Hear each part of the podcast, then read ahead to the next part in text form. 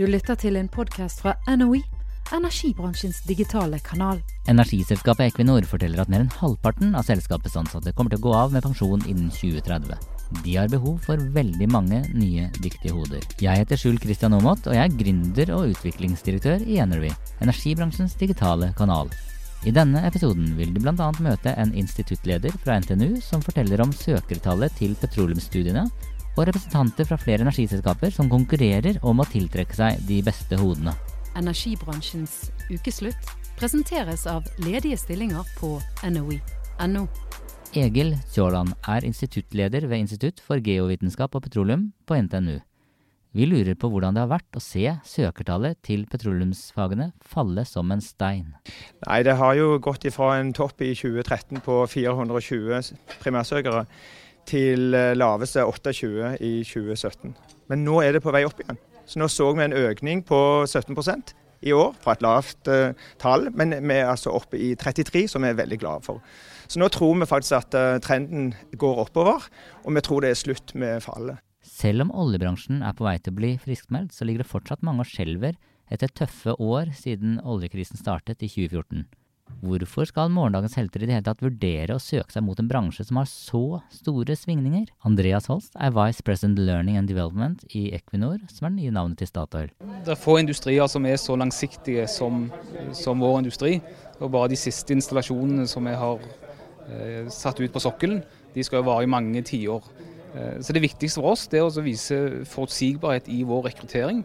Eh, og sende det signalet til ungdommen at vi er et uh, reelt alternativ. Um, I disse dager så tar vi imot uh, 150 nye uh, graduates rett fra universiteter og høyskoler. og Vår ambisjon er å opprettholde et godt tall for å sikre den kompetansen og den fornyingen vi trenger når generasjoner går av på, på sokkelen og på, på landorganisasjonen. Fra 2014 og frem til nylig har studentene vært bekymret for ikke å få jobb i oljebransjen.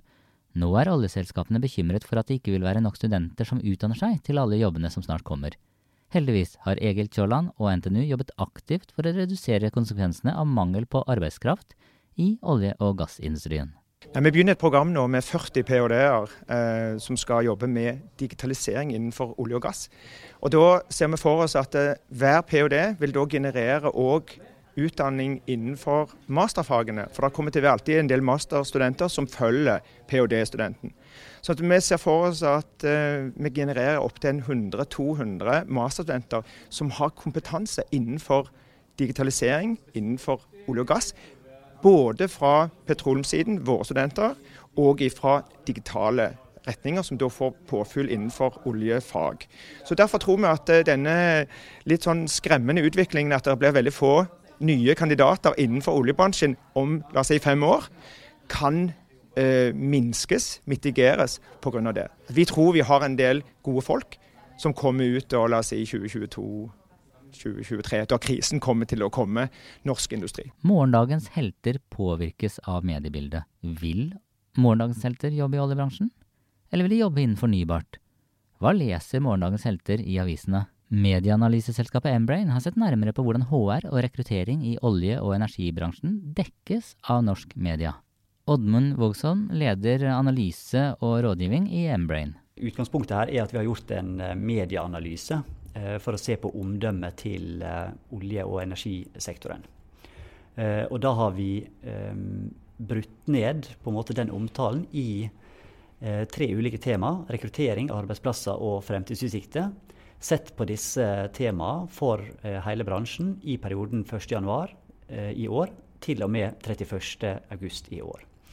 Resultatet er at vi har funnet 374 artikler innenfor dette mm, temaområdet som er relevante.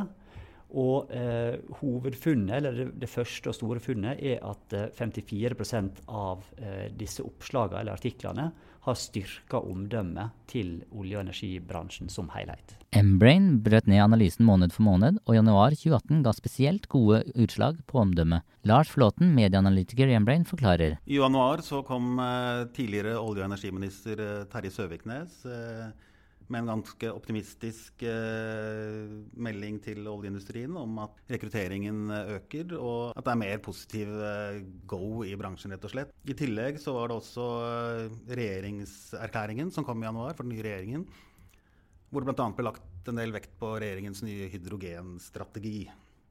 Og også eh, noen saker om eh, at eh, investeringene på norsk sokkel øker. Det er nok bakgrunnen for at januartallene er såpass gode. Men hva skjedde egentlig i juli? I juli kan jeg kanskje først si at det var forholdsvis få saker. Eh, naturlig sommermåned og ferietid. Eh, det som eh, virket i negativ retning i juli, var kanskje spesielt en artikkel i DN som fikk litt spredning også, om at oljebransjen ikke er fremtiden, hvor bl.a.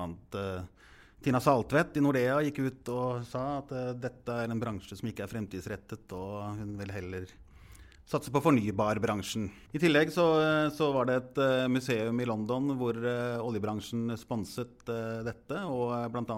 Equinor. og det fikk en del negativ publisitet. Bl.a. så var det en del norske akademikere, forskere, som gikk ut mot eh, Equinor i den sammenhengen, og selvfølgelig også da ut mot dette museet som Equinor sponset. Energibransjens ukeslutt presenteres av ledige stillinger på NOE.no. Men hva med fornybart? Ifølge analysen til Embrains er 88% av alle sakene om sol og vind i hovedsak omtalt positivt, altså med positivt fortegn. Mens når det gjelder vannkraft, så ligger positivt omtale på 24% altså til sammenligning med 88 for sol og vind. Både sol, vind og vannkraft er fornybart. Hvorfor er det så stor forskjell i medias omtale? Vi har en følelse av at uh, både kilder og journalister på en måte tar vannkraften litt for gitt. Uh, og liksom når han leser saker som journalister utformer om uh, det grønne skiftet og, og innovasjon, og gründervirksomhet og, og, og, personer som har ideer som får medieomtale, så er det ofte knytta til eh, elektrisitet og sol og vind. Mens vannkraft og vann da eh, sjelden blir trukket fram som en sånn eh, hva skal jeg si, innova innovativitetspremiss eh, eller leverandør. da. Så fornybarselskapene har noen utfordringer med å nå ut med budskapet om hvor spennende vannkraft faktisk er. Pål Svanes er avdelingsleder for rekruttering og utvikling i Lyse, som i denne sammenheng kan omtales som et rent fornybarselskap. Vi spør han om hvordan de nå jobber med rekruttering. Det viktigste vi jobber med der, er på en måte at vi greier å treffe de rette folkene. Eh, gjennom at vi har et tydelig budskap. Hva er det vi faktisk er ute etter? Eh, samtidig òg at vi greier å få ut disse mulighetene, at vi får spredd mulighetene som er i lyset. At vi gjør dem kjent, eh, hva, hva det står for, hva vi leverer. Samtidig hva de får av mulighet i stillingen. Så det er ikke bare at det er selskapet vi skal på en måte selge inn, men vi skal òg selge inn at det, at det, treffer på den muligheten vi tilbyr, at dette er oppgaver som trigger de som begynner. Og Da balansere de to, det, det, er litt viktig, så vi ikke blir på den ene sida nedrent med søkere. Eh, for det er jo greit å få, få mye søkere, men vi vil òg ha de rette søkerne som gjør at vi, vi igjen stikker svarene i markedet. Men hvordan blir det for Lyse å rekruttere, nå som oljebransjen til de grader har våknet til liv igjen? Ja, altså Vi merker at det, det tar seg opp i markedet, eh, spesielt innenfor prosjekt og innenfor teknologikompetanse. Eh, så er, merker vi likevel at vi fortsatt har en veldig attraktiv posisjon. Vi, vi har fått mange søkere gjennom oljekrisen. Eh, samtidig så, så opplever vi at vi fortsatt er attraktive med tanke på at vi leverer fornybar energi. Vi har veldig spennende teknologistillinger som gjør at du kommer litt sånn øverst i næringskjeden på de områdene du får lov til å jobbe med hos oss. Men vi merker det blir dratt mot olje, og energibransjen, og vi merker at konsulentbransjen leter etter mye de samme folkene oss. Så, så, vi må på en måte skjerpe oss for å sikre at vi fortsatt er veldig attraktive som arbeidsgiver for den type kompetanse. Andreas Holst i Equinor er med i konkurransen om de beste hodene. Eh, vi opplever at interessen for å jobbe i vårt selskap er, er, god. og Det er jo særlig blant ungdommen i forhold til graduate-stillinger, og ikke minst i forhold til sommerjobber. Eh, så Jeg skulle av og til ønske at vi hadde enda mer å, å tilby. Og jeg håper òg at enda flere får mulighet til å jobbe både hos oss eh, og ikke minst i resten av bransjen framover. For det er mange gode folk der ute med gode utdannelser som denne bransjen trenger. Bjørg Uland har lang erfaring innen HR, og har jobbet som HR-manager eh, i flere ulike riggselskaper. Vi spør henne om hvilken plass HR nå har i selskapene som skal bemanne opp igjen. Nå ser jeg jo at det heldigvis er mer fokus på det, og det blir tatt mer på alvor i bedriftene. I tillegg så ser jeg jo at det kan fort bli mye arbeid for interne HR-ressurser å ha fokus på det strategiske og operasjonelle, og at mange da velger å, å ta administrasjonen ut og få bistand i forhold til det med administrasjonen.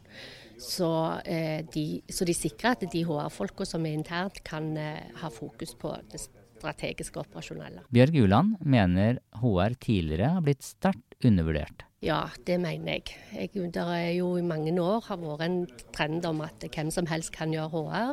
Heldigvis nå så ser vi jo at det blir tatt litt mer på alvor, og at bedriftene sjøl ser verdien av å sikre HR-spisskompetanse internt for å sikre gode prosesser og god kvalitet på den leveransen.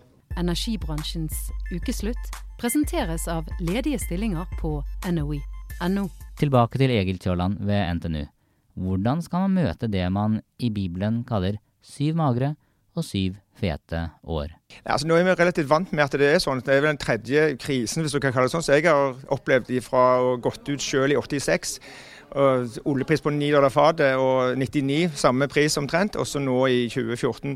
Så du kan si at eh, Vi er jo vant med dette her. så Hver gang det kommer en ny krise, ja, for nå har flere klar over dette her, da, så da passer vi på at vi bygger opp kapasiteten i de årene hvor det er lavt. Vi vet vi kommer igjennom en fire-fem år.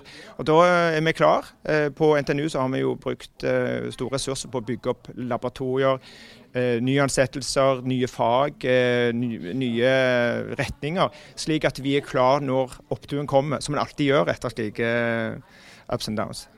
Så du tror ikke festen er over ennå? Det er mer kake igjen, som De Lillos synger? Han begynner nå. Festen er jo i full sving nå. Så, så nå blir det tøffe år for uh, oljeselskapene å få tak i folk. Du har nå lyttet til en podkast fra NOE, energibransjens digitale kanal.